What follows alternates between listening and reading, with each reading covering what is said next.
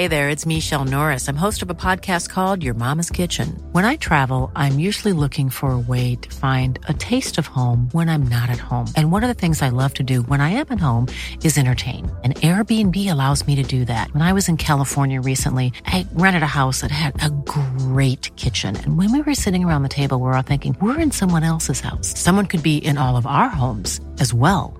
If you have a home, but you're not always at home, you have an Airbnb. Your home might be worth more than you think. Find out how much at airbnb.com/slash host.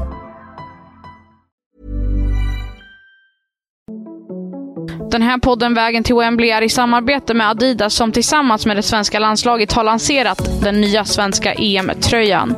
Och i den tröjan så finns det en guide på hur man ska stoppa Sverige. Och vill man läsa mer så kan man gå in på howtostopsweden.com och kanske till och med beställa hem sin favoritspelares tröja. Då sätter vi igång.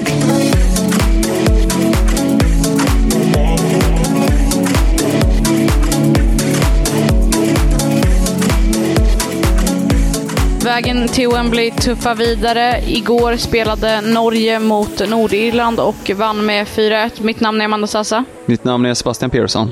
Och idag har vi med oss ingen mindre än Olof Lund. Ja, jag gästar. Det är ju alltid lite kul att gästa en, eh, en podd. En daglig EM-podd som man eh, lyssnar slaviskt på. Hur är det att vara över på damsidan nu då? Ja, det är ju... Nej, men det är väl bra. Jag har gjort många dammästerskap. Första för 25 år sedan. 97, då var du knappt född Pearson. ja, exakt. Men lite påtänkt i, i, i varje fall. Ja, jag får hoppas det. Uh, nej men det är ju kul och det är ju ett väldigt drag kring mästerskapet, åtminstone kring Old Trafford. Sen kanske lite mindre drag här i Chester än vad jag hade väntat mig. Och uh, tyvärr drunknat lite också med Boris Johnson-skandalen. Det har ju sugit mycket syre från tv-kanalerna. Verkligen, men jag tycker ändå att eh, 9000 på Norge och Nordirland-matchen är helt eh, acceptabelt i och med att eh, Nordirland gör sitt första mästerskap någonsin och Norge kanske inte riktigt är förhandsfavoriter som folk vill gå och kolla på.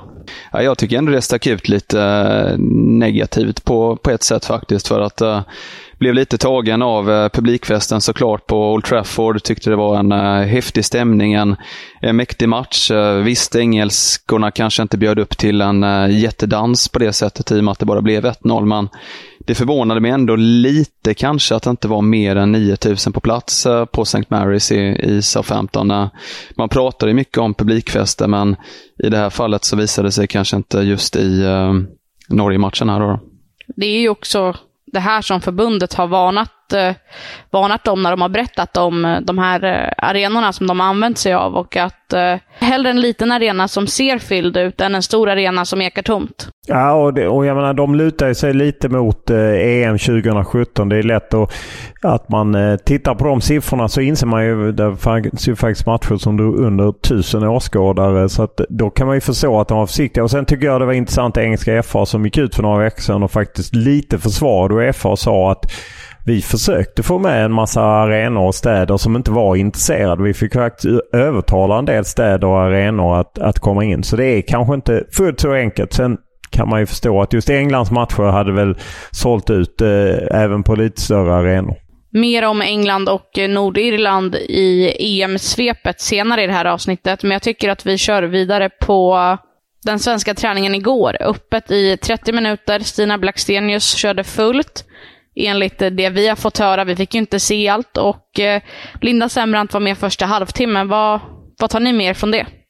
Jag tar mest med mig att det var så eldigt efteråt. Eh, Tanten som vaktar eh, anläggningen, hon ville ha bort oss.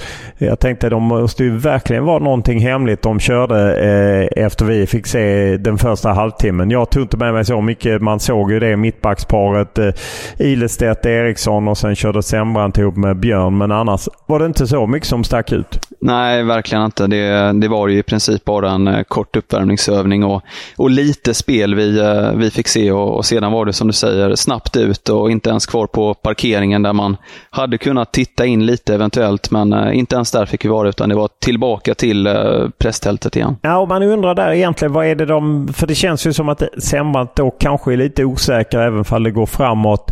det borde innebära att man kör med fyrbackslinje. Så jag kan inte riktigt se vad är det de nötte på som det var så viktigt att bli av med oss från parkeringen. Jag, jag håller med dig helt och hållet. Jag tror verkligen att eh, indikationen där med Amanda Ilestedt och Magdalena Eriksson, det är det som kommer ställas upp mot, mot Nederländerna på lördag och det är det vi kommer få se, det mittbackslåset. Och sen så jag vet inte varför man behöver vara så, för att svara på din fråga, så hemlighetsfulla just nu. Det, det känns som en ganska självklar startelva som han kan släppa fram. I Simors sändningar så har även Lotta Schelin varit inne på det väldigt mycket, att det som, det som blir det svåra är formationen. Hur kommer han ställa upp och inte med vilka spelare? För där känns det ganska självklart.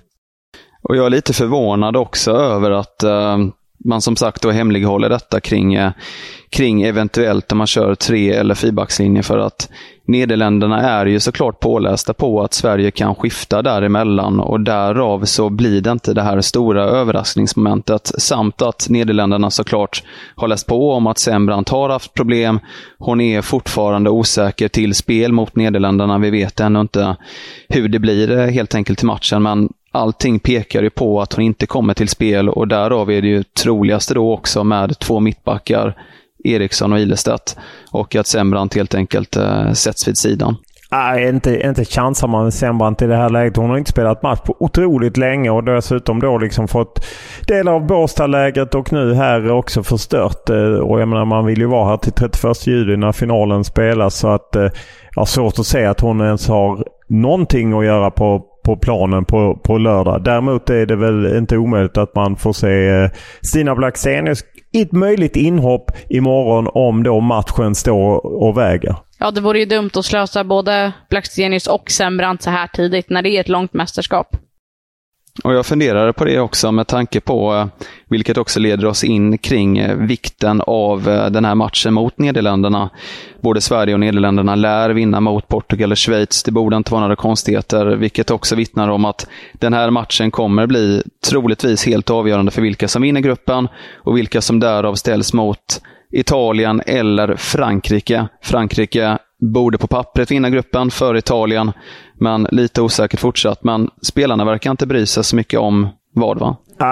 för mig är ju det rent eh, ja, skitsnack. Det är klart att de har koll på det men att eh, det känns som Magdalena Eriksson, Linda Sembrant. Eh, ja men de kommer med de här klyschorna att eh, ska man vinna EM så måste man slå alla lag eller liksom alla lag man stöter på. Men man möter väl hellre Italien i, i en kvartsfinal. Det är klart att de har suttit med det här slutspelsträdet. Det skulle förvåna mig annars. Och jag, jag tycker det blir intressant idag i Sheffield eh, där vi ju är, eh, där ju Peter Gerhardsson kommer att ha presskonferens. Att just fråga honom vad han säger om, om om matchen i, imorgon. Liksom. För det är klart att den sätter ju tonen på hela EM. Verkligen, och det känns som att eh, får vi ställa frågan till Peter Gerhardsson så känns det ju som att han, han kommer nog snurra in sig i den och troligtvis svara likadant som, som spelarna. Och jag håller helt med dig om att eh, de måste ha koll på sina motståndare och de måste ha en drömväg till Wembley också, vilka motståndare de vill ställa sig mot. Man vill inte ställa sig mot Frankrike i en kvartsfinal om man har Italien som alternativ. Nej, så kan det inte vara. Hanna Glas gläntade ju ändå på att de har pratat om det här, så vilket ju också på något sätt lite... Ja, att eh, Magdalena Eriksson och Linda Sembrant då kör mer, eh, ja, någon slags klyschfest helt enkelt. Men vad tror ni de har att tjäna på att uh, köra den här? Jag tror att de eh, lutar sig mot att de inte vill ha något tryck. Att, uh, om de säger att oj, det blir svårt att möta Frankrike och så får man möta Frankrike. Jag menar, i, i teorin kan ju Frankrike också snubbla och, och kanske bli tvåa. Det är ju inte så troligt men det kan ju hända.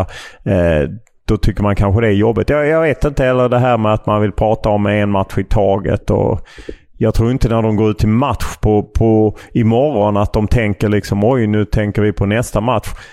Men de vill väl på något sätt, de är fast i det där. Samtidigt har de ju uttalat sig ganska hårt om att de är förhandsfavoriter, de svenska spelarna, men också tagit tillbaka det lite genom att ja, men framhäva sig själva som väldigt ödmjuka. Vi ska, vi tar en match i taget, vi, vi kommer spela vårt spel, det sa Elin Rubensson idag. Vi fokuserar inte på våra motståndare.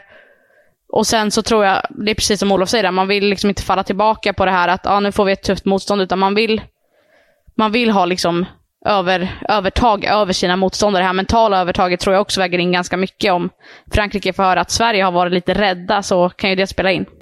Ja, och det, jag delar din känsla också att man nu börjar dra tillbaka den lite offensiva snacket om EM-guld. Jag lyssnade lite på när Magdalena Eriksson blev intervjuad av eh, Nederländsk TV där de ställde hur kan ni ha så gott självförtroende och så. Jo, jo, men det har gått bra men vi är också väldigt ödmjuka och vi är väldigt, alltså liksom hon försökte göra eh, både och på något sätt. Att både skulle man liksom tro på EM-guld till att eh, nej, men vi är ödmjuka och vi är försiktiga. Så att eh, det kanske...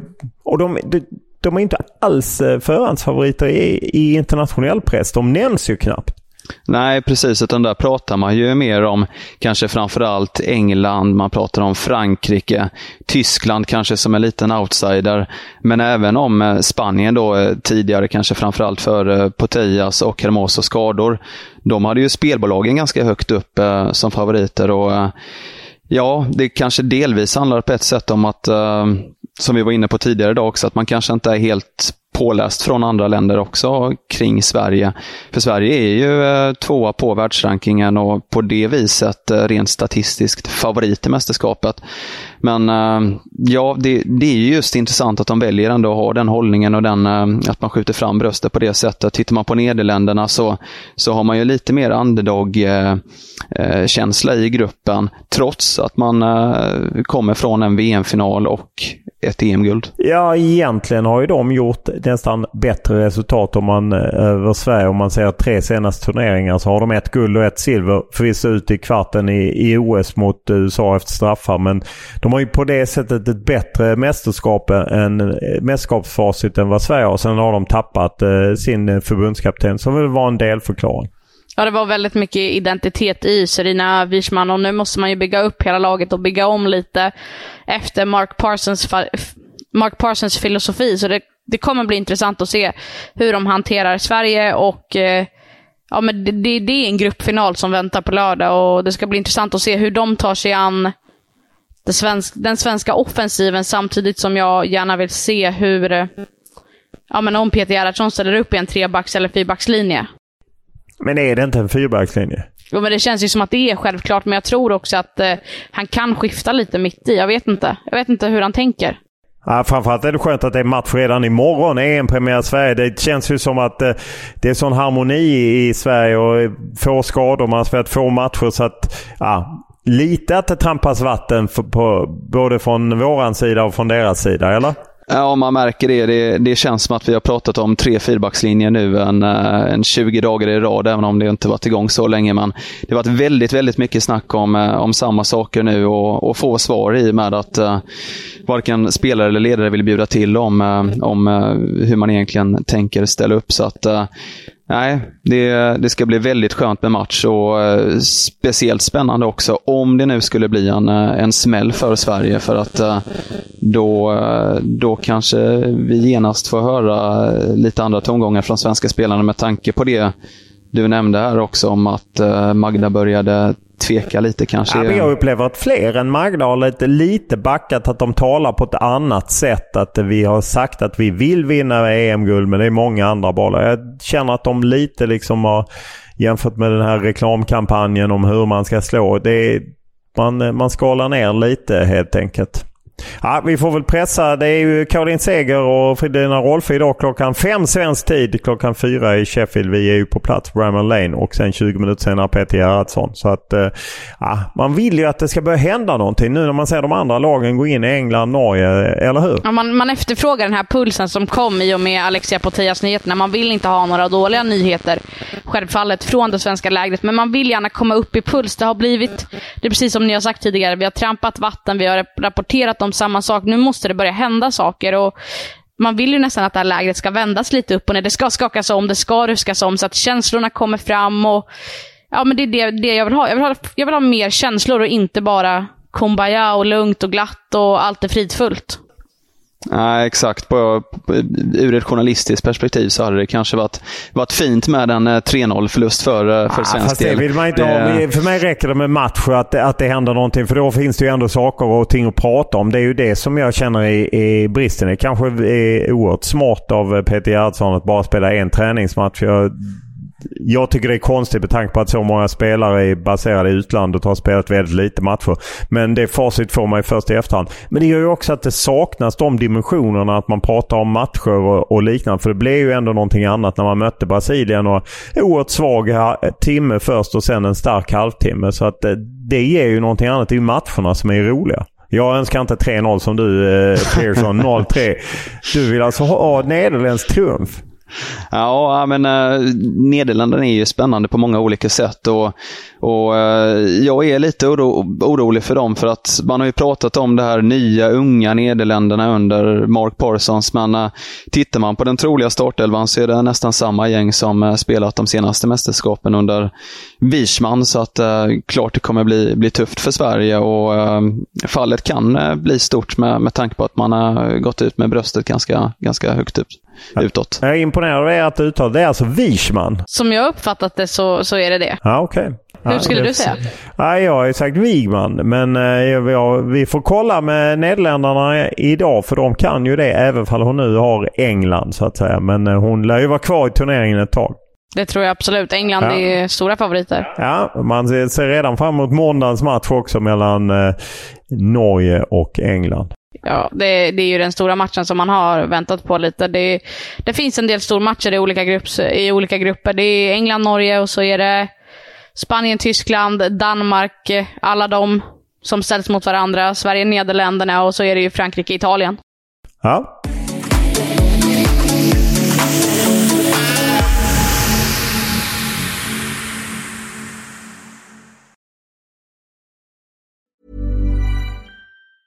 Burrows furniture is built for the way you live.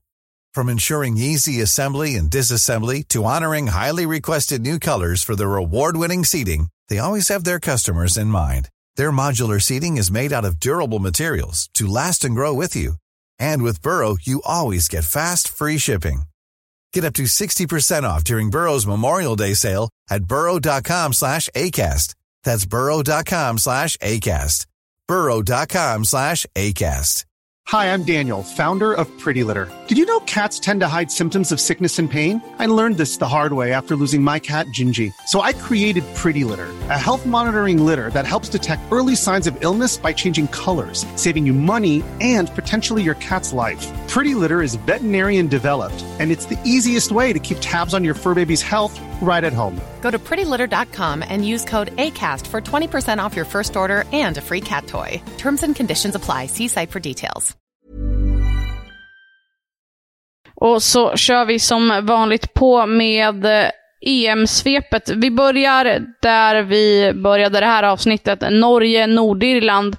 Vad, vad tog ni med er från det mötet? Att eh, lite den tanken som har funnits med att Norge är starka offensivt, otrolig eh, potential där och som de även fick ut i, i en del mål förutom Arda Hegerberg. Och sen att man brister lite bakåt. Det har ju faktiskt varit lite frågetecken just hur kommer man hålla ut. Så att eh, på det sättet kryssar de i boxarna. Ja, det, det, känns som att den där defensiven kommer att kunna straffa dem i den här turneringen, speciellt i gruppspelet när man ställs mot eh, ja, med både Österrike som visade på att de kunde stå upp hårt mot England, men också när man ställs mot värdnationen.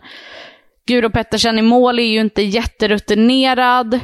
Defensiven hade problem, speciellt där vid Nordirlands mål. Det, det, det ska inte bli mål där. Ja, det var otroligt eh, tafatt och passivt och, och det symboliserade väl lite på något sätt eh, Norges försvarsspel. Även om det inte ser ut precis så hela tiden så kändes det ganska skakigt och svajigt under stora delar av matchen.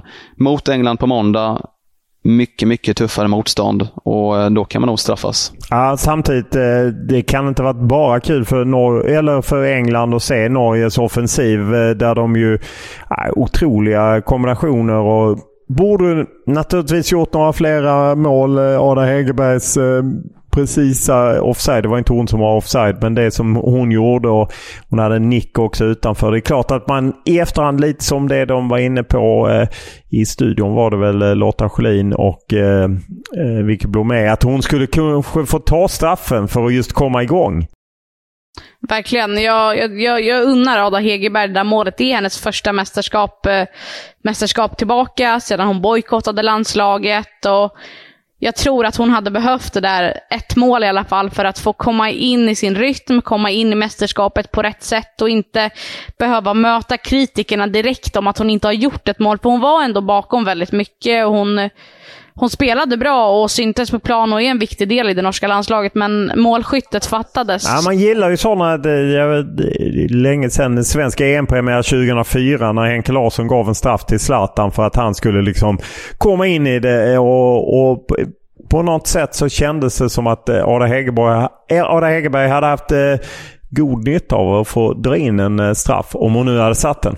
Rent instinktivt så känns ju inte Caroline Graham Hansen som den personen som lämnar ifrån sig en straff. Nej, kanske inte. De har ju spelat ihop sedan de var unga, så att det är kanske inte riktigt vad hon gör. Och jag tyckte att Ada Hegerberg kändes nästan lite för snäll ibland i sista tredjedelen.